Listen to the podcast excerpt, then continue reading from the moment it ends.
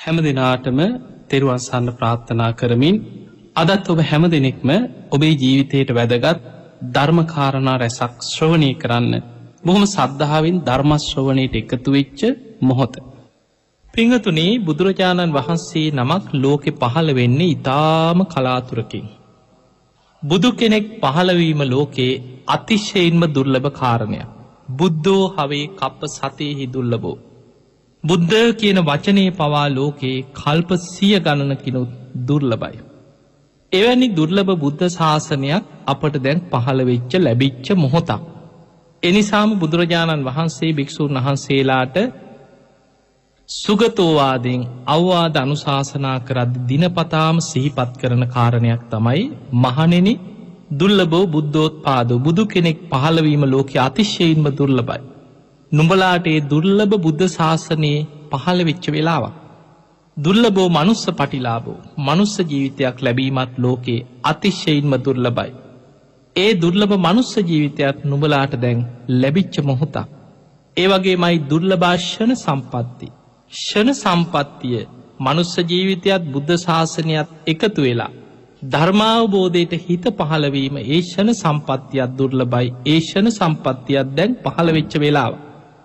ඒ නිසා අප්‍රමාදේන සම්පාදේත අප්‍රමාදීව කුසල් වඩන්න කියන කාරණය බුදුරජාණන් වහන්සේ දේශනා කරනවා. ඒ නිසා පිංහතුනී මේ ලැබිච්ච මනුස්ස ජීවිතය තුළ අප්‍රමාදීව ධර්මය දියුණු කරගන්න නං මේ දුර්ලභ බුද්ධ ශාසනය ගැන දුර්ලභ මනුස්ස ජීවිතය ගැන දුර්ලභව අපිට ලැබිච්ච මේ අවස්ථාව වටිනාකම ගැන ඔබ නිතර සිහි කරන්නට ඕනෑ. ඔබ දන්න අපේ බෝසතාණන් වහන්සේ එදා දීපංකර පාදමූලේ තමයි සුමේද තාපසයන් වහන්සේ හැටියට පාරමී පුරන්න ආරම්භ කරේ පලවෙනි නියත විවරණය ලබලා බුදුරජාණන් වහන්සේ නමකගේ. එදා සුමේත තාපසයන් වහන්සේ හැටියට දීපංකර පාදමූලේ අෂ්ට ධර්ම සමවධානයෙන් යුක්තව නියත විවරණ ලැබුව. එදා ඒ නියත විවරණ ලැබුවට පස්සේ දාන සීල නයිස්ක්‍රම්ය ප්‍රඥාවීරිය කන්ති සච්ච අධිට්ඨාන මෛත්‍රී උපේක්කා කියන දස පාරමිතා. මේවා පාරමී උපපාරමී පරමත්ත පාරමී හැටියට සම්පූර්ණ කරගෙන ඇවිල්ලා මේ මහා බද්ධ කල්පයේ හතරවෙනි බුදුරජාණන් වහන්සේ හැටියට අපේ ගෞතම බුදුරජාණන් වහන්සේ සම්බුද්ධත්වයට පත් වුණ. මේ සම්බුද්ධත්වයට පත්වෙච්ච කාලය තුළ එකැන දසපාරමී පුරපු කාලය තුළ සාරා සංකේය කල්ප ලක්ෂයක්. එතන අසංකේය හතරකුත් තවත් කල්පවලින් ලක්ෂයක්. මේ දීර්ඝ කාලය ඇතුළත අපේ බුදුරජාණන් වහන්සේ බුදුවරු විසි හතර නමක් සම්මුඛ වුණා සූවිසි බුදුරජාණන් වහන්සේලාගෙන් නියත විවරණ ලබමින් බුද්ධ ශාසන නම එකම පැවිදි දම්බුරමින් ඇවිල්ල තමයි උන්වහන්සේ සම්බුද්ධත්වයට පත්වේ. එතකොට අපිට මේ කාලය ගැන පේනවා සාරා සංකේය කල්ප ලක්ෂයක් තුළම ලෝකෙ පහළ වෙලා තියෙන්නේ බුදුරජාණන් වහන්සේලා විසි හතර නම. එතකොට අපිට පේනවා කල්ප ලක්ස ගණනින් බුද්ධ ශූන්‍ය කාල ලෝකෙ පැවතිලා තියෙනවා. එහෙමනං බුදු කෙනෙක් පහළ වෙනවා කියන ලෝකෙ අතිශයීම දුර්ලබයි. පිංහතුනීස් කලාතුරකින් පහළ වෙනවා එක බුදු කෙනෙක් පහළ වෙන කල්පය. ඊළඟට ලෝක තවත් කලාතුරකින් කල්පසිය දහස් ගානකට පස්සේ බුදුවරු දෙනමක් පහළ වෙන කල්පයක් උදාවේ. ඊළඟට බුදුවරු තුන්නමක් පහළ වෙන කල්පයක් කල්ප ගානකට පස්සේ ආයමත් පහළ වෙන. බුදුවරු හතර නම. උපරිම මේ විශ්වයේ ලෝකයේ යම්තාක් බුදුවරු පහළ වෙනවනං එකම කල්පයක් තුළ උපරිම පහළ වෙන්න බුදුවරු පස් නමක් විතරයි. ඒ පස් නමක් පහළ වෙන කල්පේ තමයි මහා බද්ධ කල්පය කියලා හඳුන්නත්. එනිසා අපි මේ ඉන්න මහා බද්ධ කල්පය තුළ මේ මහා බද්ධ කල්පේ තුළ කකු සඳ කෝනාගමන කාශ්‍යප ගෞතම කියන බුදුරජාණන් වහන්සේලා හතර නම දැම් පහළ වුණා අනාගතයේ මෛත්‍රී බුදුරජාණන් වහන්සේත් මේ කල්පේම අග ලෝකෙට පහළ වෙනවා. එතකොට අපිට පේනවා බුදුවරු පස් නමක් මේ කල්ප පහළ වෙනවා. එහෙම නම් මේ කල්පය වෙනකොට බුදුවරු පස් නමක් දසපාරමී සම්පූර්ණ කරලා පිළිවලට තමයි සම්බුද්ධත්වයට පත්වෙන්. පිංහතුනී මේ පාරමී පුරණ කාලය අනුවත් බුදුරජාණන් වහන්සේලාගේ වෙනස්කන් තියෙනවා. දැන් අපේ බුදුරජාණන් වහන්සේ ගෞතම බුදුරජාණන් වහන්සේ පාරමී පුරන්නේ සාරා සංකීය කල්ප ලක්ෂය. එකට හේතුව උන්වහන්සේ ප්‍රඥාධික බුදුකෙන්. මේ ලෝකයේ අටා සංකේය කල්පලක්ෂයක් පාරමී පුරාගෙන ඇවිල්ල තමයි සද්ධාධික බුදුරජාණන් වහන්සේලා බුද්ධත්වයට පත්වේ. ඒ වගේම වීරයාධික බුදුවරු ඉන්නවා. ඒ බුදුරජාණන් වහන්සේලා සොලොසා සංකීය කල්පලක්ෂයක්. එකන අසංකීය දාසයකුත් කල්පලක්ෂයක් පාරමී පුරාගෙන ඇවිල්ලා සම්මා සම්බුද්ධත්වයට පත්වෙන ගැන අපේ බුදුරජාණන් වහන්සේ වගේ හතර ගුණයක් දසපාරමී පුරණ කාලෙම වැඩි වෙන. දැන් මෛත්‍රී බුදුරජාණන් වහන්සේ අනාගතයේ බුදුවෙන මෛත්‍රී බෝසතාණන් වහන්සේ වීරි අධික බුදු කෙනෙ.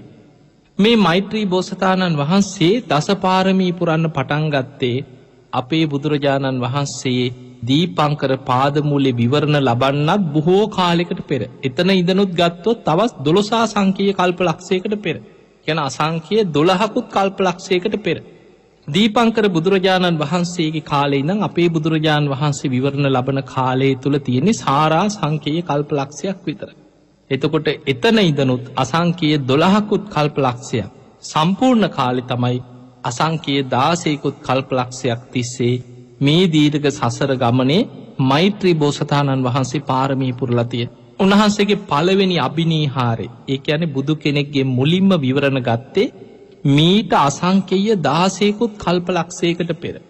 ඒ තමයි මුහුත්තර නම් වූ සම්මා සම්බුදුරජාණන් වහන්සේ පහළ වෙච්ච කාලේ. මීට අසංකයේ දාසයකුත් කල්පලක්ෂයකට පෙර මුහුත්තර නමින් සම්මා සම්බුදුරජාණන් වහන්සේ නමක් ලෝකෙ පහළ වුණ.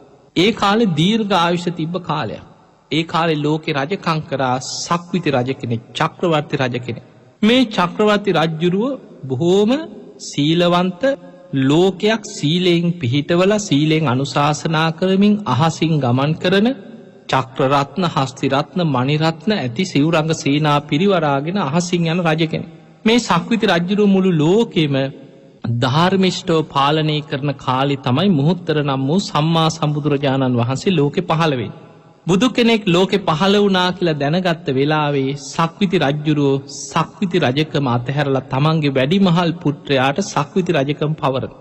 පවරලා රතන නමින් ගිහිල්ලා බුදුරජාණන් වහන්සේ ඉදිරියේ පැවිදි වෙනවා. ඒඇන මුහුත්තර නම් වූ සම්මා සම්බුදුරජාණන් වහන්සේ ළඟ සක්විති රජකම අතහැරලා රතන නමින් පැවිදි භාවයට පත්වෙලා ඒ පැවිදි ජීවිතය තුළ බොහෝ ගුණධර්ම පුරලා ප්‍රාර්ථනයක් කරනවා මටත් මේ වගේම අනාගතයේ අසංකීය ගනං දෙව්මිනිස් ලෝකයාව සසර දුකින් එතර කරවන්න. ලෝතුරා සම්බුද්ධ රාජ්‍යයටම පත්වෙන්න මට ලැබේවා කියලා තමන්ගේ ප්‍රාර්ථනය සිහිපත් කරනවා. එදා මුහුත්තර නම් වූ සම්බුදුරජාණන් වහන්සේ බලනවා බුදුවැසින් මේ රතන නමින් පැවිදි වෙලා මේ ප්‍රාර්ථනා කරන මේ කෙනාගේ ප්‍රාර්ථනය අනාගත ඉෂ්ට වෙනවද. ඒ වෙනකොට මනෝ ප්‍රනිධානයක් වාක් ප්‍රනිධානයක් පුරල ඒව සම්පූර්ණයි. අනාගතයේ බැලුවත් තව සොලොසා සංකීය කල්පලක්ෂයක් ගිය තැන්. එකන අසංකයේ දාසයකුත් කල්පලක්ෂයක් ගිය තැන මෛත්‍රී නමින් මහා බද්ධ කල්පයක පස්වනි බුදුරජාණන් වහන්සේ හැටියට සම්මා සම්බුද්ධත්වයට පත්වෙනවා. එදා මුහුත්තර නම් වූ සම්බුදුරජාණන් වහන්සේ විවරණ ලබා දුන්නා මේ රතන නමින් පැවිදි වෙලා ඉන්න මේ මහා වීරියවන්ත කෙනා. තව සොලොසා සංකයේ කල්පලක්ෂයක් ගිය තැන මෛත්‍රී නමින් සම්බුද්ධත්වයට පත්වෙනවා කියලා මෛත්‍රී බෝසතාණන් වහන්සේට මුලින්ම විවරණ දුන්න. එදා ඉදං දීර්ඝ සංසාර ගමනේ මෛත්‍රී බෝසතාණන් වහන්සේත් දාන සීල නයිස්ක්‍රම්ය ප්‍රඥාවීරිය කන්ති සච්චාධිට්ඨාන මෛත්‍රී උපේක්කා කෙන දසපාරමී ධර්මම පාරමිතා හැටියට උපපාරමිතා හැටියට පරමත්ත පාරමිතා හැටියට මේ දස පාරමී තිස් ආකාරයකට සම්පූර්ණ කරන්නට වන පාරමී හැටියට දසාකාරයකට සම්පූර්ණ කරනවා උපපාරමී හැටියටත් දසාකාරයකට සම්පූර්ණ කරගන්න පරමත්ත පාරමී හැටියට ජීවිත පරිත්‍යයාගෙන් සම්පූර්ණ කරනවා මේ විදියට සම්පූර්ණ කරලා තමයි ලෝතුරා සම්බුද්ධත්වයට පත්වෙන්. මෙහෙම පාරමී සම්පූර්ණ කරගෙන ඇවිල්ලා මෛත්‍රී බෝසතාණන් වහන්සේ අන්තිමට විවරණ ගත්තේ අපේ බුදුරජාණන් වහන්සේගේ. ඒ තමයි මේ මහා බඩ්ඩ කල්පේ පහළවෙච්ච ගෞත්තම නම් වූ අපි සරණගිය ඔබත් මමත් සරණගිය අපේ බුදුරජාණන් වහන්සේගෙන් තමයි මෛත්‍රී බෝසතාණන් වහන්සේ අන්තිම විවරණ ලැබුයි. ඒ තමයි එදා අපේ බුදුරජාණන් වහන්සේ දිවිය ලෝකෙට වැඩම කරලා අභිධර්ම දේශනාව හමාර කරලා බුදුරජාණන් වහන්සේ දෙව්ලොවී මනුලොවට වැඩම කරේ ලෝක විවරණ මහා ප්‍රාතිහාරයක් සිදු කරගෙන. පිංහතුනේ හැම බුදු කෙනෙක්ම අභිධර්ම දේශනාව කරන්න දෙව්ලෝට වැඩම කරන. ඒ දෙව්ලෝට වැඩම කරලා දෙව්ලෝ වස් පවාරණය කරලා දෙව්ලොවේ මනුලෝට වැඩම කරන්නේ ලෝක විවරණ මහා ප්‍රාතිහාරය සිදු කරගෙන. ඒ ප්‍රාතිහාරි සිද්ධ වෙන්නේ බුද්ධ ශාසනයක එකම අවස්ථාවයි අභිධර්ම දේශනාව අවසං කරලා දෙව්බමුන් පිරිවරාගෙන මනුලෝට වඩිනකොට. දෙවියන් තමයි මේ මහා ප්‍රාතිහාරයේදී මහාමේරු පර්වත මුදුනේදං සංකස්සපුරයට රන් ඉනි මගවල් තුනක් මවනු. සත්රුවනෙන් යුක්ත රන් ඉනි මගවල් තුනක් මවනු. ඒ මැද තියෙන සට්ටුවනෙන් මැවිච්ච ඉනිමගෙන් බුදුරජාණන් වහන්සේ පහලට බහිනෝ වගේ දෙව් බමුන් පිරිවරාගෙන බුදුරජාණන් වහන්සේ වඩිනො. ඒ වගේම දෙපැත්තෙ තියෙන ඉනිමං දෙකෙන් දෙවියනුත් බ්‍රහ්මේනුත් බුදුරජාණන් වහන්සේ වෙනුවෙන් පෙරගමන් එනවා. ඒ අතර මහාබ්‍රහ්ම දෙවියන් බඹලෝට අධිපති මහාබ්‍රහ්ම දෙවියන් මුතුකුඩේ දරාගෙන. ඒ වගේම පංචසික දෙවියන් වීනාවාදනය කරනවා. සක්‍ර දෙවියන් ජයතුරා සකපිමිනෝ. මේ වගේ දෙව් බමුන් බුදුරජාණන් වහන්සේ පෙරටු කරගෙන එන්නේ හරියට පෙරහැරකින් වඩම්මගෙන පැමිණිලා බුදුරජාණන් වහන්සේ මනුලෝට ගෙනල්ල ඇරලන්නේ න. අන්න ඒක තමයි මේ මහා ප්‍රාතිහාරයේදී දෙව්මිනිස් ලෝකයාටම මේ ප්‍රාතිහාරයේදී පියවි ඇහෙ මනුස්සලෝක ඉන්න මිනිස්සුන්ට දෙවියම් බ්‍රහ්මයන් අහසින් බුදුරජාණන් වහන්සේ පෙරහැරකින් අරගෙන මනුස්සලෝකට වඩිනවා වගේ පේන්න පටන්ගන්න.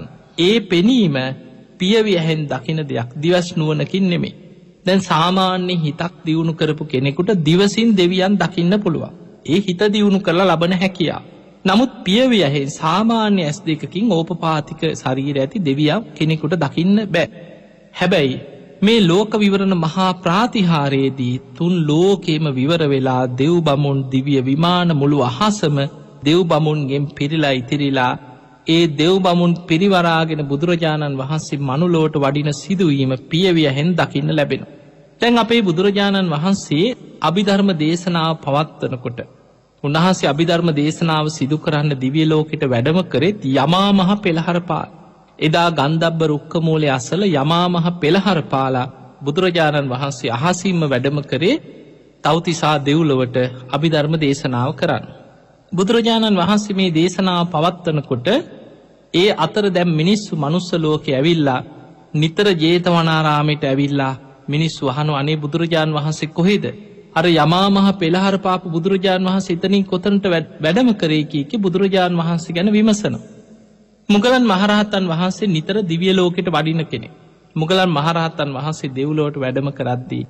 බුදුරජාණන් වහන්සේ කල්තියාම දැනුන් දුන්න මුගල්ලාන අසවල් දවසේ පුන් පොහෝ දවසෙ වස් පවාරණය කරලා බුදුරජාණන් වහන්සේ දෙව් බමුන් පිරිවරාගෙන සංකස්සපුරයට වඩිනෝ. එදාට ලෝක විවරණ මහා ප්‍රාතිහාරයක් සිදුවෙනවා ඒක පියවි ඇහෙන් දකින්න පුළුවන් කියලා මිනිස්සුන්ට කියන්නකි. සති දෙහෙකට පමණ පෙර මුගලං හාමුදුරුව මේක දැනගත්තා. ඇවිල් භික්‍ෂූන් වහන්සේලාට ඒ ඒ ප්‍රදේශවලට ආරණ්‍යවලට පණවිඩ ඇරිය. මිනිස්සු තමන්ගේ දායකයන්ට දැනුන් දුන්න පිණ්ඩ පාති අද මිනිස්සුන්ට කියාගෙන ගියා. දැන් ඔබ හිතන්න අපිට අද ලංකාවින් අපිට තියෙන පූජනීයම වස්තුව ජයශ්‍රී මහා බෝධීන් වහන්සේ රුවන් වැලි මහා සෑයි මේ මහා දහතුන් වහන්සේල වැඩඉන්න පූජනීය තැන් තියෙන. අපි අහලතින ඉතිහාසි රුවන් වැලි මහා සෑයි ධාතු තැන්පත් කරද්දි ධාතුන් වහන්සේ අහසට පැනනැගල යමා මහ පෙළහර පෑව. තූපාරාම සෑයි දකුණු අපුධාතුන් වහන්සේ තැන්පත් කරද්දි යමා මහ පෙළහර පෑව. අප හිතමු කවද අපිට නිකං දැනගන්න ලැබුණොත් අන්න අසවල් දවසේ මේ වගේ පෙළහර පෑමක් එතන සිද්ධ වෙනවා මහා ප්‍රාතිහාරයක් වෙනවා කියලා කවුරු හරි කල් ඇතුව සතියකට දෙහෙකට කලින් කිව්වෝ. අපි මොන්න වැඩ කටයුතු තිබුණත් මිනිස්සු ලක්ෂ ගණනින් ගිහිල්ලා එතන කල් ඇතුව පිරිලයි තිරිලා බලාගෙන ඉන්නවා මිනිස්සු කැමති ප්‍රාතිහාර දකිින් ආසයි ඇස් දෙකින් එහෙම දේවල් දකින්න. එදා මුගලම් මහරහත්තන් වහන්සේ බුදුරජාණන් වහන්සේ දෙව් බමුන් පිරිවරාගෙන සංකස්සපුරයට වඩිනවා කියලා පණවිඩේ දැනුන් දුන්නට පස්සේ දින හතක් තිස්සේ මිනිස්සු සංකස්සපුරේ පිරිලා ඉතිරිලා හිටිය කිය. එකම හිස් ගොඩක් හැටියට යොදුම් ගානක් යනකම් මනුස්්‍යයන්ගෙන් පිරිලා ඉතිරිලා ගිය. දවස් කීපයක් තිස්සේ මේ පිරිච්ච සියලු දෙනාට ආහාරපානවලින් දන්දුන්නේ දන්සැල්දාලා ඒ අයට ඇපව් පස්ථාන කරේ එදා ඒ සංකස්සපුරේ ධනවත්ම සිටුවරෙක් බවට පත්වෙච්ච සිරිවර්ධන කියන ගෘහපතිය. මේ සිරිවර්ධන ගෘහපතියා අර එදා රැස්වෙච්ච මේ මහා ප්‍රාතිහාරය බලන්න එකතු වෙච්ච ලක්ස ගනම් පිරිසට දන් සැල් දුන්න. එහෙම දීලා එදා මේ පින් දහම් කරගෙන ඉන්න අතරතුර තමයි බුදුරජාණන් වහන්සේ දෙව් බමුන් පිරිවරාගෙන සංකස්සපුරේට මහා ප්‍රාතිහාරයේ පාමින් හන් ඉනිමගකින් දෙව්ලොවින් මනුලෝට වඩිනව වගේ වැඩම කරලා උන්වහන්සේගේ සිරිපා සටහන තබන්. එදා මේ මහා ප්‍රාතිහාරි දැකළ විශාල පිරිසක් බුද්ධත්වය ප්‍රාර්ථනා කරා. එදා මේ පිරිස්සට දින ගානක් තිස්සේ දන්දීපු සිරිවර්ධන ගෘහපතියා ඒ සිරිවර්ධන කියන මේ තරුණ සිටුවරය බුදුරජාණන් වහන්සේ ඉදිරියේ වැඳ වැටිලා කියෙන ස්වාමීණී භාග්‍යතුන් වහන්ස මමත් පැවිදි වෙනවා. මගේ හිතෙත් ප්‍රාර්ථනයක් තියෙනවා මටත් මාවත් පැවිදි කරන සේක්වා මගේ මේ ප්‍රාර්ථනාව කියල තතාගතයන් වහන්සේ ඉදිරියේ තමන්ගේ ප්‍රාර්ථනාව සහිපත් කරන්නට යෙදුණ. බුදුරජාණන් වහන්සේ බුදු ඇසින් බැලුව මොකක්ද හොගේ ප්‍රාර්ථනා බලනකොට දැක්කම් මේ කෙනා සොලොසා සංකීය කල්පලක්ෂයක් තිස්සේ පාරමී සම්පූර්ණ කරගෙන ආපු කෙනෙක්. මේ මහා බද්ධ කල්පේ මගින් පසුව ඊළඟට සම්මා සම්බුද්ධත්වයට පත්වෙන්නේ මේ කෙනා. එදා බුදුරජාණන් වහන්සේ සංකස්සපුරේදී සිරිවර්ධන ගෘහපතියා හැටියට ඉපදිලා හිටිය මෛත්‍රී බෝසතාණන් වහන්සේට අපේ ගෞතම බෝසතාණන් වහන්සේ අවසාන විවරණ ලබා දුන්න මහනෙන මේ සිරිවර්ධන ගෘහපතියා මගෙන් පසුව ඊළඟට මේ මහා බඩ්ඩ කල්පේ මෛත්‍රී නමින් සම්මා සම්බුද්ධත්වයට පත්වෙනවා කියල විවරණ ලබා දුන්න. ඒ තමයි මෛත්‍රී බෝසතාණන් වහන්සේගේ අවසාන විවරණේ. එදකොට මීට සොලොසා සංකීය කල්ප ලක්ෂයකට පෙර මුහුත්තර නම් වූ සම්බුදුරජාණන් වහන්සේකින් විවරණ ගත්ත තැනයිදං සොලොසා සංකයේ කල්ප ලක්ෂයක් පුරා දසපාරමී පුරාගෙන ඇවිල්ල අවසානවරට විවරණ ගත්තේ අපේ ගෞතම බුදුරජාණන් වහන්සේගේ. එහෙම විවරණ අරගෙන මෛත්‍රී බෝසතාණන් වහන්සේ වැඩඉන්නේ තුසිත දෙව්ලෝ. අදටත් මෛත්‍රී බෝසතාණන් වහන්සේ ඇතුළු බෝසත් දේවතාවරු තුසිත දෙව්ලෝ තමයි වැඩයින්. ඒ මෛත්‍රී බුද්ධ ශාසනයේ පෙරුම් පුරාගෙනාපු අග්‍රශ්ාවක තනතුරු ලබන් බුදුවෙන කාලේ මව් පදවිය ලබන්න පිය පදවිය ලබන්න අසූ මහා ශ්‍රාවක තනතුරු ලබන්න පාරමී පුරාගණෙන පින්වන්තයින්නවා. ඒ සියලු දෙනාමත් පාරමී සම්පූර්ණ කරලා වැඩඉන්න තුසිත දෙව්ලෝ. බුද්ධ දේශනාව සඳහන් වෙන මෛත්‍රී බුදුරජාණන් වහන්සේ පහළ වෙන කාලේක. ඒ තමයි මෛත්‍රී බුදුරජාණන් වහන්සේ පහළ වෙන්නෙත් මේ මහා බද්ධ කල්පීම තමයි. හැබැයි මේ මහා බද්ධ කල්පේ මෛත්‍රී බුදුරජාණන් වහන්සේ පහළ වනාට ඔබට හිතෙන්න්න පුළුව ආහෙන ඉති අපිට බයක් නෑ ඊළඟට තව බුදු කෙනෙක් පහළ වෙනවන කිය. නමුත් පින්වතුනී මනුස්සලෝක කාලෙෙන් අවුරුදුවලින් අපිත් අපිට තේරෙන විදිහට ගණන් හැදුවොත් අවුරුදු කෝටි ප්‍රකෝටි ගානක් මනුස්සලෝක අවුරුදුවලින් ගත වෙනවා මෛත්‍රී බුදුරජාණන් වහන්සේ පහළවෙන්. ඒ තමයි මෛත්‍රී බුදුරජාණන් වහන්සේ පහළ වෙන කාලිය ගැන දේශනාව තියෙන්නේ දීගනිකාය චක්‍රවති සීහනාද කිර සූට බුදුරජාණන් වහන්සේ විස්තරයක් කරනවා මේ තියෙන මිනිස් ආයුෂ අඩුවෙලා අඩුවෙලා අඩුවෙලා අවුරුදු දහයට අඩුවෙලා. ලෝකෙ ඉන්න මිනිස්සු කෙලෙස්වලින් විකෘති වෙලා එකිනෙකා මරාගෙන ලෝකෙ ලේවිලක් වෙලා සත්ව විනාසයක් කෙන. එකට කෙන සත්ත අන්තක් කල්ප විනාසේ. මේ අන්තක් කල්පේස් අවියාවිදවලින් මරාගෙන ලෝකෙ මිනිස්සු විනාස වෙන කාලයක් කෙනවා. ඒ විනාසෙන් පස්ස ඉතුරු වෙනවා ඉතාම සුළු පිරිසක් කීප දෙනෙක් විතරක් බේරෙන.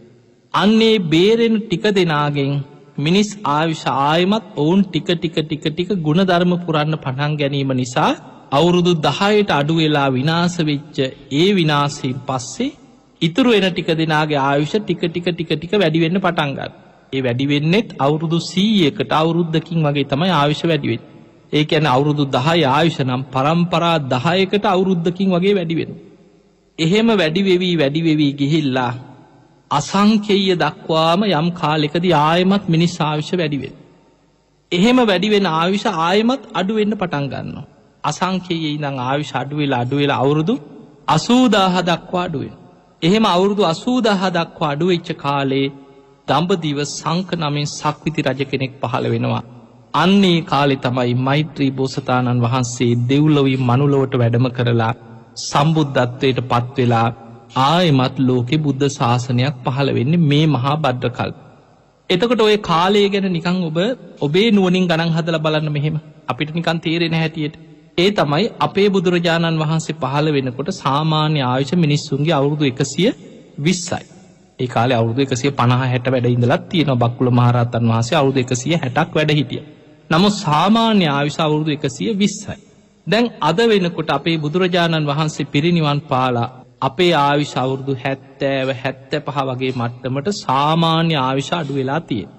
අපි නිකමට හිතම අපේ ආවිශ අවුරුදු හැත්තෑවයි කියල නිකං හිත වර්තමානය සාමාන්‍ය මනුස්සේගේ ආයු අපේක්ෂාව හැත්තෑවයි. එතකොට අවුරුදු දෙදස් පන්සීයක් වෙනකොට මේ ලෝක මිනිස්සුන්ගේ ආවිශ අඩු වෙලා තියෙනවා අවුරුදු එකසිය විස්සේ ඉදං හැත්තෑව දක්වයි කෙන අවුරුදු පණහක අඩුවීමක් තිය. එතකොට අවුරුදු දෙදස් පන්සීයකට මිනිස්සුන්ගේ ආවිශ අඩු වෙලා තින අවුරුදු පණහකින් විතර. ඔය ආවිෂ තවත් අඩුවෙලා අඩුවෙලා අඩුවෙලා තවත් අවුරුදු දෙදස් පන්සීයක් ගිය තැන තවත් අවුරුදු පණහකින් අඩුවනොත් එකන අපේ බුදුරජාණන් වහන්සේ පිරිනිවන් පාල අවුරුදු පන්දාහ වෙනකොට මේ මිනිස්සුන්ගේ ආයු අපේක්ෂාව ඉතුරු වෙන්නේ ඒ කාලේ අවුරුදු විස්සක් වගේ ආයුෂක් අවුරුදු විස්ස විසි පහ වගේ ආයුෂක් තියෙන.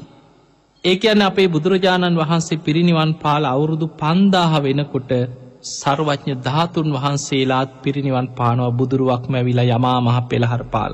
ඒ ධාතු පරිනිර්වාණය වෙන කාලේනකොට. ඊළඟට බුද්ධ අධිෂ්ඨානයෙන් පිහිටෝපු සතර සිරිපා සටහන් මැකිලයන. මේ බුද්ධ අධිෂ්ඨාන සියල්ල පිහිටෙවේ අවුරුදු පන්දාහක් යනතේ. ඒ වෙනකොට මිනිස්සුන්ගේ ආයුෂත් පිරිහිලා පිරිහිලා අවුරුදු පන්දාහක් කියන්න මිනිස් ආයුෂ අවුරුදු විස්සට විතර බැහැපු කාලය. ඒ විනාසෙන් පස්සේ බුද්ධ ශාසනයේ අවසන් වෙලා අවුරුදු දෙතුන් සීයක් ගිය තැන අවුරුදු විස්සේ ආවිෂ දහයට බහින්. ඒ දහයට බැහැලා එතනින් පස්සේ සිද්ධ වෙන්නේ අර සත්ත අන්තක් කල්ප විනාස. අවියායුදවලින් මරාගෙන මිනිස්සුන්ට මෘග සංඥා පහළ වෙලා මුළු ලෝකෙම ලේවිලක් වෙන විස්තරයක් බුද්ධ දේශනාවක විස්තර කරන. එතනින් පස්සේ ඉතුරුවෙන ටික දෙනෙක්ගෙන් ටික ටික ටික ටික ගුණධර්ම පිරීම නිසා අර පිරිහි චවුරුදු දහයට බැහැපු ආවිෂ ටිකෙන් ටික ටිකෙන් ටික වැඩිවෙන්න පටන්ගන්න. මාසේ දෙක එහෙ මෙහෙම තමයි පරම්පරාවෙන් පරම්පරාවට ආවිෂ වැඩිවෙවී වැඩිවෙවී ගිහිල්ල ආයමත් ආවිශ අසංකේය දක්වා වැඩිවෙන්නට එහෙම වැඩිවෙච් ආවිශ අඩුවෙලා අඩුවෙලා ආයි අවුරුදු අසූදාහට අඩුවෙච්ච කාලෙක මෛත්‍රී බුදුරජාණන් වහන්සේ පහළවෙන්. එතකොට පින්වතුනි මනුස්සලෝක කාලෙෙන් අපි ගණන් ගත්තොත් මේ ගණන් කිරීම තුළ අපිට පේනවා එහනම් මෛත්‍රී බුදු හාන්දුරු පහළ වෙන්න මනුස්සලෝක අවුරුදුවලින් ගත්තොත් තව අවුරුදු කෝටි ප්‍රකෝටි ගානක් කියතැන්. ඒ නිසා මනුස්සලෝකෙ කාලෙන්නම් මහ දීර්ඝ කාලයක් හැබැයි දිවිය ලෝකෙ කාලෙන් ගත්තොත් එච්චර දීර්ඝ කාලයක් නෙමේ. සමහර දෙවිවරුන්ට අද පින් කරලා දිවිය ලෝකෙ පහළ වෙන ඇතැම් දේවතාවරුන්ට ඒ දිවි ආවි සවසන් වෙන්න පෙර මනුස්සලෝකෙ ඊළඟ බුදුරජාණන් වහන්සේ පහළවෙෙන. මෛත්‍රී බුදු හාන්දුරු පහළවෙෙන. මොකද මේ වෙනකොට මෛත්‍රී බෝසතාණන් වහන්සේ පාරමී සම්පූර්ණ කරලා තුසිත දෙව්ලෝ වැඩඉන්නේ. තමන්ට අවස්ථාව එනකං දෙවියන්ගේ ආරාධනය ලැබෙනකං තුසිත දෙව්ලෝ වැඩ ඉන්නවා. අනික් බුද්ධ ශාසනයේ මාර්ගපල් ලබන අග සව තනතුරු ලබන අසූ මහා ශ්‍රාවක තනතුරු ලබන ඒ සියලු දෙෙනත් පාරමී පුරාගෙන තුසිත දෙව්ලෝ දැන් වැඩයින්.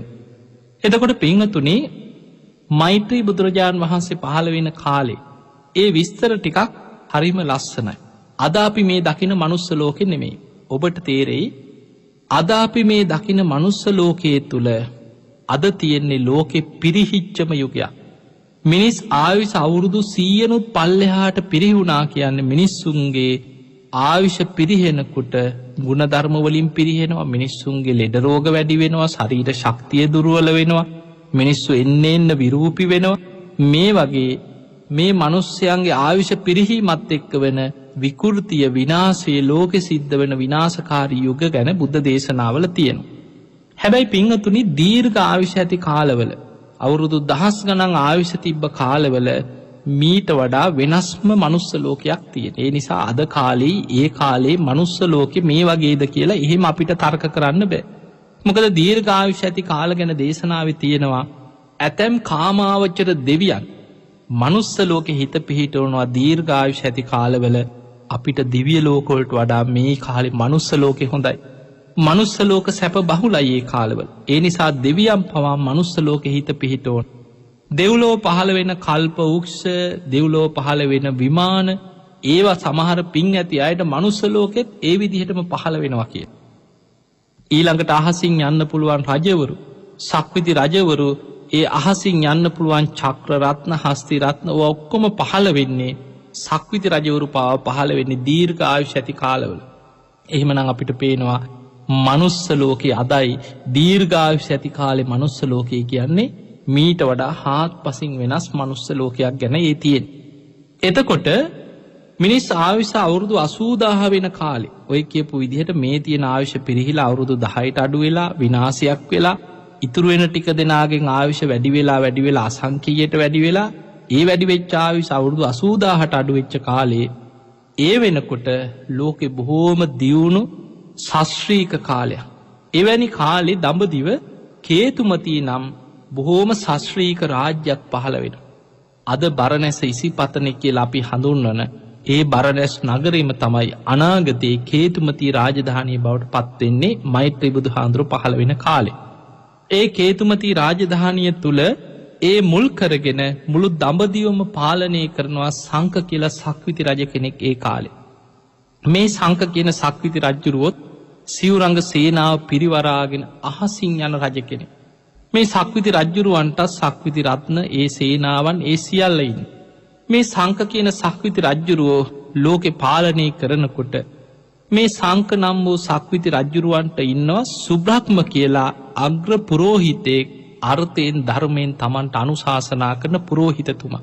ඒ සුබ්‍රහ්ම කියන පුරෝහිතතුමාගේ බැමිණිය තමයි සුබ්‍රහ්මවතී කියන බැමිණිය මෑනිය.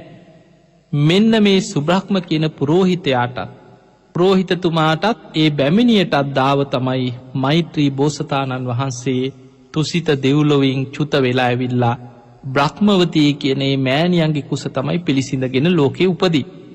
මෛත්‍රී බෝසතාණන් වහන්සේ කියලා කියන්නේ සංක කියන සක්විති රජ්ජුරුවන්ගේ අග්‍ර පුරෝහිත බවට පත්වෙච්ච සුබ්‍රහ්ම කියන පුරෝහිතතුමාගේ ඒ වගේම සුබ්‍රහ්මවතී කියන බැමිණියගෙත් දරුව හැටියටයි මෛත්‍රී බෝසතාණන් වහන්සේ ලෝකෙ පහළවෙේ. මෛත්‍රී බෝසතාණන් වහන්සේ ලෝකෙ පහළ වෙලා අවුරුදු දහට දාහක් කල් ගිහි ජීවිතේ වාසය කරන. ඒ කාල මිනිස් ආයුෂ අවුරුදු අසූදාහ. එතකොට අවුරුදු අසූදාහක් දීර්ඝ ආයුෂ ඇති කාලේ අවුරුදු දහට දාහක් කල් ගිහි ජීවිතය තුළ වාසය කරන බව දේශනාව තියෙන. එහෙම වාසය කරද්දී තමන්ගේ බිසෝ බවට පත්වෙලා ඒ කාලෙ ඉන්න චන්ද්‍රමුකී කියන දේවී. බොහෝ කාලයක් සසර පෙරුම් පුරාගෙනාපු චන්ද්‍රමුකී කියන දේවිය තමයි තමන්ගේ අගබිසෝ බවට පත්වේ.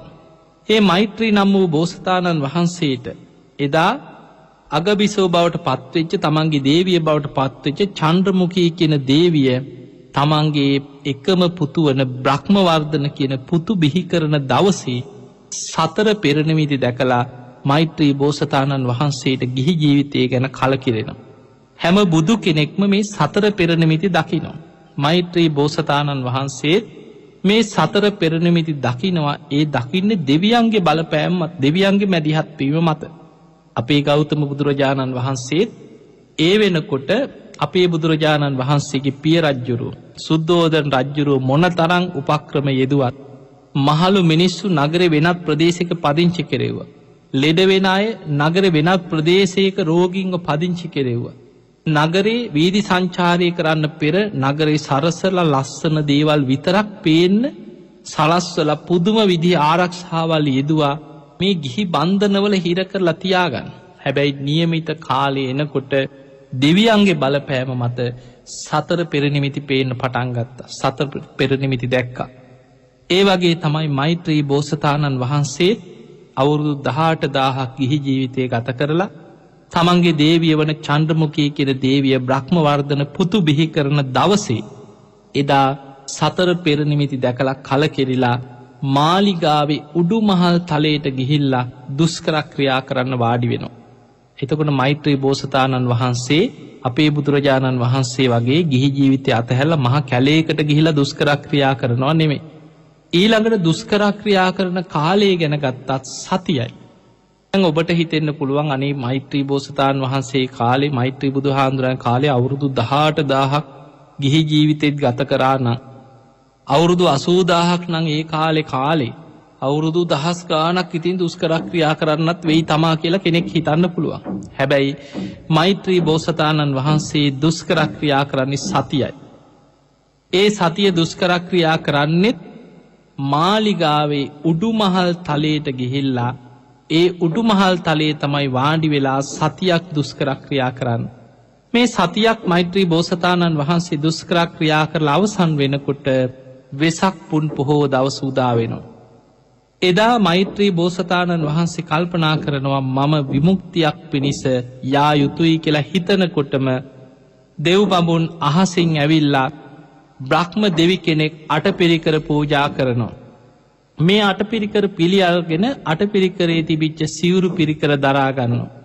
තමන්ගේ දේවිය වන චන්ඩමුකී කියෙන දේවියම තමයි කිරිපිඩු පූජාව කරන්න.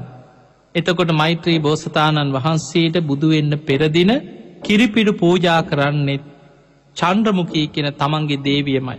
මේ දේවිය පූජා කරන කිරිපිරුදානය වලඳලා දෙවියන් විසින් පූජා කරපු අටපිරිකර පිළි අරගෙන සිවුරු පිරිකර දරාගෙන මෛත්‍රී බෝසතාණන් වහන්සේ අහසිම්ම වැඩම කරලා තමයි නුග බෝමුල වැඩයින්. මෛත්‍රී බුදුරජාණන් වහන්සේගේ බෝධීන් වහන්සේ බවට පත්වෙන්නේ නුග බෝධීන් වහන්සේ. මේ නුග බෝධීන් වහන්සේ ළඟට මාලිකාව ඉඳං වැඩම කරන්නේ අහසිම්මයි. අහසිම්ම වැඩම කරලා නැගෙනහිර දිසාවට මුහුණලා නුග බෝමුල වැඩඉඳලා කුසතන මත වැඩයිදලා රාත්‍රී පළවෙනියාමේ පුබ්බේ නිවාසානුස්සතිඥානේ රාත්‍රී දෙවනියාමේ චුතූපාත ඥානය ඇතිකරගෙන රාත්‍රී තුංගනියාමේ පටිච්ච සමුපාදය අනුලෝම ප්‍රතිලෝම වසයෙන් විමසලා අවසන් වෙනවත් සමගම හිත සියලු කෙලෙසුන්ගෙන් ආශ්‍රවයන්ගෙන් මිදිලා මෙහෙමහා බඩ්ඩ කල්පේ පස්වෙනි බුදුරජාණන් වහන්සේ හැටියට මෛත්‍රී බුදුරජාණන් වහන්සේ සම්මා සම්බුද්ධත්වයට පත්වෙනවා. එමනං අනාගතේ මේ මහා බඩ්ඩ කල්පේම මෛත්‍රී නමින් සම්බුද්ධත්වයට පත්වෙන මෛත්‍රී බුදුරජාණන් වහන්සේ බුද්ධත්වයට පත්වෙන්නේ ඔන්න ඔය ආකාරයට. පිංහතුනේ මෛත්‍රී බුදුරජාණන් වහන්සේගේ බුද්ධ ශාසනය අවුරුදු එක්ලක්ෂ අසූදාහක් කල් පවතිනවා. දැන් බලන්න අපේ බුදුරජාණන් වහන්සේ පහළ වනේ මිනිස් ලෝකයේ ආවිෂ ඉතාම අඩු කාලෙක්. ඒ නිසයි අපේ බුදුරජාණන් වහන්සේගේ බුද්ධ ශාසනය අවුරුදු පන්දාහක් කල් තමයි අපේ බුදුරජාණන් වහන්සේගේ බුද්ධ ශාසනය පවතින්.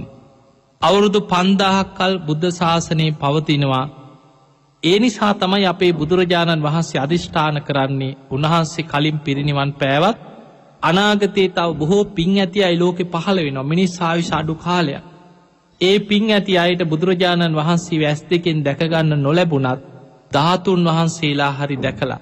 ඒ ධාතුන් වහන්සේලාට වැනුම් පිදුම් කරලා පින් රැස් කරගෙන සුගතිගාමීවීම උදෙසා මාගේ සාරීරික ධාතුන් වහන්සේලා මේ මේ ප්‍රමාණයන්ගෙන් විසිරේවා කියලා ධාතුන් වහන්සේලා විසිරෙන් අධිෂ්ඨාන කරලා බුදුරජාණන් වහන්සේ පිරිනිවන් පාන්. එනිසා අනාගතයේ දීර්ඝ ආයුෂ ඇති කාලවල පිංහතුනි ධර්මය සඳහන් වෙනවා අවුරුදු දහස් කනන් දීර්ඝ ආයුෂ ඇති කාලවල බුදුවරු ධාතු විසිරෙන්න්නවත් අධිෂ්ඨාන කරන්න. බොහෝ බුදුරජාණන් වහන්සේලා පිරිනිවන් පෑවට පස්සේ උන්වහන්සේලාගේ සරුවඥ ධාතුන් වහන්සේලා පන් කැටියක් වගේ එකට කැටි වෙලා එකට පිහිටනවා. ඒ ධාතුන් වහන්සේලා විසිරෙන්නේ. එනිසා ඒ ආයුෂ අඩු කාලවල තමයි බුදුවරු ධාතුන් වහන්සේලා විසිරෙන් අධිෂ්ඨාන කරන්නේ අනාගතයේ පහළ වෙන පින් ඇති අයට. මේ ධාතුන් වහන්සේලාට හරි වැදුම් පිදුම් කරලා පින් රැස් කරගෙන සුගතිගාමිවීම උදෙසා මේ දහතුන් වහන්සේලා මේ මේ ප්‍රමාණවලින් විසිරී පවතීවා කියලයි අධිෂ්ඨාන පිහිටවන්. එනිසා පිංහතුනේ අද මේ වෙනකොට අපි ගෞතම බුද්ධ ශාසනය තුළ ගෞතම බුදුරජාණන් වහන්සේ පිරිනිවන් පාලා අවුරුදු දෙදස් පන්සිය ගානක් ගිය තැන මනුස්ස ලෝක ඉපදිච්ච පිරිසක් අපි කවුරු. මේ වෙනකොට මිනිස් ආවිෂ පිරිහිලා පිරිහිලා අවුරුදු සීයනුත් පල්ලෙහාට බැහැපු කාලයක්. අපිට අද මේ වෙනකොට ගෞතම බුද්ධ ශාසනය තුළ පිරිසිදුව තුනුරුවන් වැඩඉන්න අතාම්. පිරිසිදුව ඒ බුද්ධ වචන ටික අහන්න ලැබෙනවා ධර්මය පවතින. හැබැයි අදාපි ඉන්නේ ධර්මය දියුණු කරගන්න පුළුවන් ලෝකෙක නෙමෙයි ටිකක් අමාරු කාලෙක් ඇබැයි අමාරුනත් වීරියවන්ත කෙනෙකුට සීලාදී ගුණ ධර්ම රැකගෙන බණ භාවනා කරගෙන හිත දමනය කරගෙන ධර්මාවබෝධයට වීරිය වැඩුවොත් ඒ අයට ධර්මාවබෝධය කරන්න අමාරුයි. ඒ අමාරු වෙලා තියෙන්නේ මේ යුගේ කෙලෙස් වැඩි කාලයක් කෙලෙස් වැඩියුගයක්. ඒ කෙලෙස් වැඩියුගේක ආයුෂ පිරිහිලා ලෙඩරෝගවලට වේගෙන් ගොදුරු වෙනවා මිනිස්සු එන්න එන්න කෙලෙස් වලින් විකෘති වෙච්ච කාලෙක තමයි අපි මනුස්ස ලෝකට ඇවිල්ලයින්. ඒවගේම පිංහතුනේ ධර්මයේ සඳහන් වෙනවා ඉතිහාස පොත්තුල අතීත පොත්තුල බෝසතාණන් වහන්සේලා ගැන සඳහන් වෙන තැන්වල සඳහන් වෙනවා. තැම් බලන්න මේ මහා බඩ්ඩ කල්පේ බුදුවෙච්ච බුදුරජාණන් වහන්සේලා ඒ පස් නම දිහා ගත්තු. කකු සඳ බුදුරජාණන් වහන්සේත් මේ මහා බද්ධ කල්පේ මුලින්ම බුදුරජාණන් වහන්සේ හැටියට බුද්ධත්වයට පත්වනේ උන්වහන්සේගේ පාරමී සම්පූර්ණ කරගත්ත නිසා. ඒ වගේම ඒ පාරමී සියල්ල සම්පූර්ණ කරගෙන මේ මහා බද්ධ කල්පේ දෙවනි බුදුරජාණන් වහන්සේ හැටියට කෝනාගමන බුදුරජාණන් වහන්සේ සම්බුද්ධත්වයට පත් වුණා. ඒ වගේමයි පාරමී සියල්ල සම්පූර්ණ කරලා මේ මහා බද්ධ කල්පේ තුන්ගනි බුදුරජාණන් වහන්සේ හැටියට කාශ්‍යප බුදුරජාණන් වහන්සේ සම්මා සම්බුද්ධත්වයට පත්. ඒ වගේමයි සාරා සංකීය කල්පලක්ෂයක් පාරමී සම්පූර්ණ කරලා මේ මහා බද්ධ කල්පේ හතරවෙනි බුදුරජාණන් වහන්සේ හැටියට අපේ ගෞතම බුදුරජාණන් වහන්සේ සම්මා සම්බුද්ධත්වයට පත් වුණ. ඊළඟට අනාගතයේ පහළ වෙන මෛත්‍රී බුදුරජාණන් වහන්සේ. සොලොසා සංකීය කල්පලක්ෂයක් පාරමී සම්පූර්ණ කරලා එකන අපේ ගෞතම බුදුහාන්දුරන්ටත් පෙරයිදම්ම පාරමී සම්පූර්ණ කරගෙන ඇවිල්ල තමයි මේ මහා බද්ධ කල්පේ පස්වනි බුදුරජාණන් වහන්සේ හැටියට සම්මා සම්බුද්ධත්වයට පත්වෙන්. එතකොට මේ බුදුරජාණන් වහන්සේලා පස් නමම කකුසඳ කෝනාගමන කාශ්‍යප ගෞතම ඒවගේම මෛත්‍රී කියන මේ බුදුරජාණන් වහන්සේලා පස් නමම මේ මහා බද්ධ කල්පයේ ආරම්භ වෙනකොටම පාරමී සම්පූර්ණ කරගත්ත පිරිසා. එතකොට ඒ පාරමී සම්පූර්ණ කරලා සාරාසංකයේ කල්පලක්ෂේ අටාසංකයේ කල්පලක්තේ ඒවගේම සොලොසා සංකයේ කල්පලක්ෂේ මේ විදිහට පාරමී සම්පූර්ණ කරගත්තා. ඒ අතර යම් යම් පාරමී අඩුපාඩු තියෙනකොට අපේ බෝසතාණන් වහන්සේ ඒ ඒ බුදුවරුන්ගේ විවරණාරගෙන අපි දන්ව ආයමත් ඇවිලා වෙස්සන්තරාත්මි දාන පාරමිතාව සම්පූර්ණ කර ඒ වගේ ඒ පාරමී සියල්ල සම්පූර්ණ කරගන්න. මේ අතර සඳහන් වෙන හරි ලස්සන කතාවක් ඒ තමයි මේ පාරමී පුරාගණයන කාලය අනුව ගත්තහම අපේ ගෞතම බුදුරජාණන් වහන්සේට පෙර මෛත්‍රී බුදුරජාණන් වහන්සේ බුද්ධත්වයට පත්වෙන නියමිතව තිබුණ. පාරමී පුරාගෙන එද්දි අපේ බුදුරජාණන් වහන්සේ සාරා සංකයේ කල්පලක්ෂයක් තිස්සේ පාරමී පුරාගෙනාව ප්‍රඥාධික බුදු කෙනෙක් හැටියට. ඒවගේමයි මෛත්‍රී බුදුරජාණන් වහන්සේ වීරි අධික බුදු කෙනෙක් හැටියට. සොලොසා සංකීය කල්පලක්ෂයක් පාරමී පුරාගෙනාව. මෙහෙම පාරමී පුරාගෙන එනකොට මේ මහා බඩ්්‍ර කල්පයේ බුදුවෙන පිළිවල අනුව ගත්තහම අපේ ගෞතම බුදුරජාණන් වහන්සේට පෙරයි මෛත්‍රී බුදුරජාණන් වහන්සේ බුදු එන්න නියමිතව තිබුණ. නමුත් එක ආත්ම භාවයකදී මේ දෙන් නම ගුරුවරයයි ගෝලයයි වෙලා ඉපදිලා හිටිය. ඒ වෙනකොට පාරමී සම්පූර්ණ කරගෙන එන කාලෙ. මෛත්‍රී බෝසතාණන් වහන්සේ තමයි එදා ගුරුවරයා. ගෝලය බවට පත්වෙලා හිටිය අපේ බෝසතාණන් වහන්සේ. මේ ගුරුවරයයි ගෝලයයි දෙන්නම් හොදට භාවනා කරලා අශ්්‍ර සමාපති දක්වාම හිත වඩාගෙන තාපසාරාමයක තවස් පැවිද්දෙක් හොදට ගුණ ධර්ම වඩාගෙන හිටිය. දෙන්නම බුද්ධත්වයේ ප්‍රාර්ථනා කරනවා පාරමී පුරණු. එතකොට ඊළඟට මේ මහා බද්ධ කල්පේ බුදුවෙන්න නියමිතව තිබුණ. ඒ යන අතරතුර දවසක් මෛත්‍රී බෝසතාණන් වහන්සේත් අපේ බෝසතාණන් වහන්සේත් කැලේ මැදින් බොහෝ දුර ගමනක් යන්න දෙන්න පිටත් වුණ ගුරුවරයයි ගෝලය. මේම යනකොට එක අවස්ථාවක ලොකු වලක් වගේ තැනක දකින්න ලැබුණා කොටි දෙෙන පැටව් එක මේ වලකට වැටිලා. පැටව් කීප දෙනෙක් ඉන්නවා කොටි දෙනට ආහාරයක් නැතුව බොහෝ කුසගින්නේ අර පැටවුන් කන්න සූදානන් වෙන. බිම පෙරලෙනවා දරාගන්න බෑ කුසගින්නට පුදුම වේදනාවකින් පැටව් කන්න හදනවා ආයමත් දරු සෙනෙහස නිසා ආයමත් කුසගින්න දරාගන්න බැරුව බිම පෙරලෙනවා වේදනාවෙන් ඉන්නවා. ඒ වෙලාවේ අපේ බෝසතාණන් වහන්සේත් මෛත්‍රී බෝසතාණන් වහන්සේත් මේ දිහා බලාගෙන ඉඳලා උන්වහන්සේලා වටහා ගත්තා මේ කොටි දෙන කුසගින්න දරාගන්න බැරුවයි තමන්ගේ පැටව් ආහාර කරගන්න හදන්. එවෙලේ මෛත්‍රී බෝසතාණන් වහන්සේ කියන අපේ බෝස්ථාණන් වහන්සේට ඔබ චුට්ටක් ඔතනට වෙලා බලාගෙන ඉන්න පැටව් කන්න ඉඩ දෙන්න එපා. මම ඉක්මනට ගිහිල්ලා කොටි දෙනගේ කුසගින්න නිවන්න ආහාරය යමක් හොයාගෙන එන්නම් කියෝ. කියලා මෛත්‍රී බෝසතාණන් වහන්සේ මේ කොටි දෙනගේ කුසගින්න නිවන්න මොනවහු ආහාරයක් හොයන්න කැලේට ගිය. අපේ බෝසතාණන් වහන්සේ දැම් මේ දිහා බලාගෙන ඉන්න කොහොම හරි පැටව් කන්න නොදී බේරගන්න අර ආහාරටික අරගෙන එනකා. බොහෝ වෙලාවක් ගත වුණා බැලුවා බැලුවා එන පාටක් නෑ තාම මෛත්‍රී බෝසතාණන් වහන්සේ ආහාර හොයමින් ඇවිදින. එහෙම ඇවිදිනවා එන පාටක් නෑ අර කොටි දෙනට කුසගින්න දරාගන්න බැරිම තැන පැටවුන්ව කණ්ඩ සූදානන් වෙනවා. ඒ මොහොතේ බැලුව එන පාටකුත් නෑ. අපේ බෝසතාණන් වහන්සේ තමයි එතන ආරක්ෂාවට තියලගී.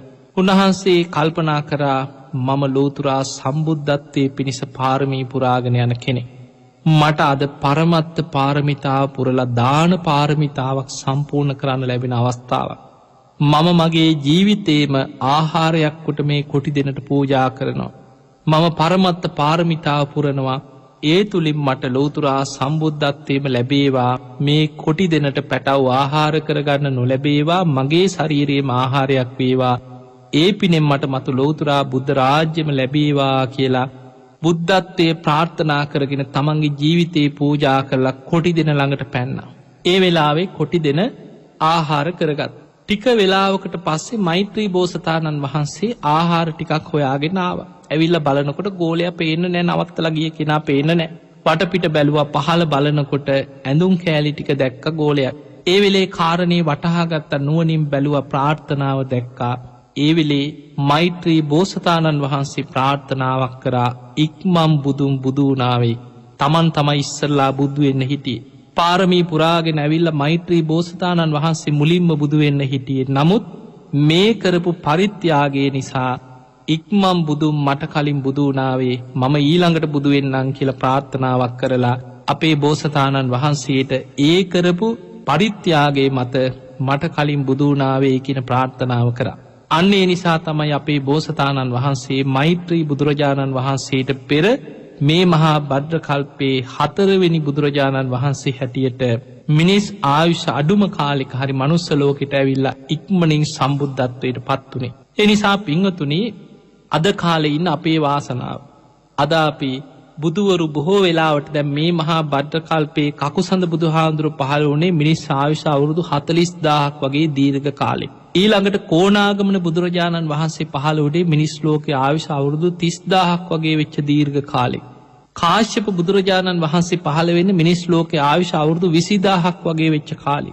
නමුත් අපේ ගෞතම බුදුරජාණන් වහන්සේ පහළ වෙන්නේ මිනිස් ලෝක ආවිශ අඩුම කාලෙක එකැන අවුරුදු එකසිය විස්සක් වගේ වෙච්ච කාලෙක්. පිංහතුනි බෝසතාණන් වහන්සේලා තුසිත දෙව්ලොව ඉඳං පස් මහ බැලුම් බලනව හැම බෝසත් කෙනෙක්ම මවකුස පිළිසිඳ ගන්න පෙර.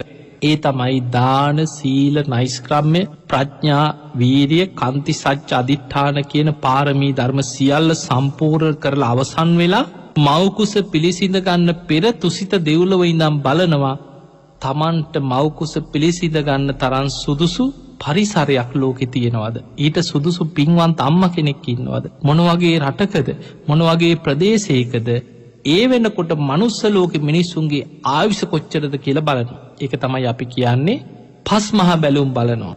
ආයුෂ දිහා බලනවා. ඒ ආයුෂ දිහා බලන්නේ මනුස්ස ලෝක ආවිෂ අවුරුදු සීයට වඩා වැඩිද කියලා බලන. කාලය දීපය දේශය කුලේ මව එතන කාලය කියන මනුස්ස ලෝක ආයුෂ ගැන. ඒ සුදුසු කාලයක්ද දැම් මනුස්ස ලෝකේ. අවුරුදු සීයෙන් පල්ලෙහාට ආවිෂ බැස්ස කියන්නේ ධර්මාවබෝධයට හිත් පහල කරගන්න අමාරුයි මිනිස්සුන්ට කෙලෙස් වැඩි කාලයක්. ආවිෂ පිරිහිලා ලෙඩ රෝග වැඩි විකෘති වෙච් ආසාවන්ගෙන් යුක්තයි කෙලෙස් වැඩි කාලවල මිනිස්සුන්ට ආවිෂ අඩු කාලවල නිවන් අවබෝධයට හිත් නැඹුරු කරගන්න අමාරුයි. ඒ නිසා මිනිස් ආවිට අවුරුදු සීයට වැඩි කාලවල විතරයි බුදුවරු පහළවෙන්. අපේ බෝසතාණන් වහන්සේදා මනුස්ස ලෝකෙ දිහා බලනකොට මිනිස් ආවිෂ අවුරුදු එකසිය විස්සක් අවුරුදු සීයට වඩා වැඩි. ඒ නිසාත්තු සිත දෙව්ලවින් චුත වෙලා පින්වන්ත මහාමායාදේවිය කුස පිරිසිඳගෙන එදා ලෝතුරා සම්බුද්ධත්වයට පත්වීම පිණිස මනුස්ස ලෝකෙට වැඩම කරා. එදා අපේ බුදුරජාණන් වහන්සේ බුද්ධත්වයට පත්වෙලා දහම් දෙසලා උන්වහන්සේ පිරිනිවන් පෑවා හැබැයි ඔබට හිතෙන්න්න පුළුවන් ඒ කාලෙහෙන අඩුවෙන් නිවන් දකිින් නැතික පිංහතුනි මනුස්ස ලෝක පිරිස අඩුවනාට දෙව් බමුන් විශාල වසේ නිවන් දැක්. මේ ආවිශ අඩු වැඩිකම තියෙන මනුස්ස ලෝක. කාලෙකට අසංකීය දක්වා වැඩි වෙනවා. කාලෙකට අඩුවෙලා අඩුවෙලා අවුරුදු දහයට අඩුවෙනවා ආයමත් විශාල විනාසයක් වෙලා වැඩි වෙලා වැඩි වෙලා අසංකීයට වැඩිවෙන ආයමත් අඩුවෙලා අඩුවෙලා අවුරුදු දහයට අඩුවෙන මේවට කියන්නේ අන්තක් කල් කල්පයක් තුළ තියෙන අන්තක් කල්ප එතකොට මේ අන්තක්කල් පතර තුර ආවිශ අඩු වැඩවීම් තියෙන මනුස්සලෝක හැබැයි දිවිය ලෝකයේ බ්‍රහ්ම ලෝකයේ ඒ ආවිශ අඩු වැඩවීමක් සිද්ධ වෙන්න. ඒ නිසා දැන් අපේ බුදුරජාණන් වහන්සේගෙන් බණහල නිවන් දැකපු ප්‍රමාණය ගැන දේශනාව අටුවාවල විස්තර වෙනවා. අපේ බුදුරජාණන් වහන්සේ බුද්ධත්වයට පත්වෙච්ච තැනයිඳා. උන්වහන්සේ අවුරුදු හතලිස් පහක් වැඩඉඳලා පිරිනිවන් පාන මොහොත වෙනකොට බුදුරජාණන් වහන්සේගෙන් බණහල නිවන් අවබෝධ කරගත්ත ලෝක සත්වයන්ගේ ප්‍රමාණය සූවිසි අසංකෙය නවකෝටි හැටලක්ෂයක් දෙෙන.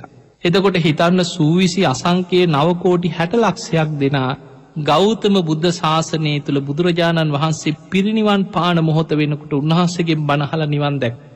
හැබැයි ඒ අතරින් වැඩිපුරම දෙව්මමුන් තමයි මාර්ග පල ලැබුයි. ධම්මචක්ක දේශනාව හල මනුස්සලෝක එක්කෙනෙක් සෝවාන් වෙනකොට දහට කෝටියක් දෙවියන් එදා මාර්ග පල ලැබුව. දෙවියන් අතරින් කෝටි ගණනින් පින් පිරිච්චාය පාරමී සම්පූර්ණ කරගත් අය දිවිය බ්‍රහ්ම ලෝකොල ඉනම් මාර්ග පල් ලබනවා.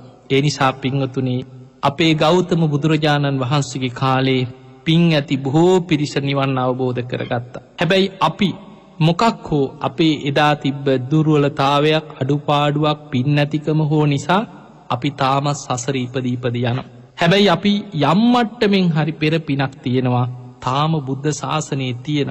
ගෞතම බුදුරජාණන් වහන්සේ පිරිනිවන් පාල අවුරුදු දෙදස් පන්සිය පනස් නමයක් වෙච්ච කාලෙක. තාමත් සර්වඥ ධාතුන් වහන්සේලා වැඩඉන්නවා බුද්ධ අධිෂ්ඨාන ලෝකෙ තියෙනවා ඒ ධර්මය පිරිසිදුව තියෙනවා බුද්ධ ශාසනයේ පවතින කාලෙක අපි ආයමත් මනුස්ස ලෝකයේ ධර්මය තියෙන රටක තියෙන පලාතක පතිරූප දේශයක ඉපදුනා පෙර පිනක් ඇතුව. පුබ්බේච කතපුඥත පෙර පිනක් ඇතුව අපි ඉපදුන.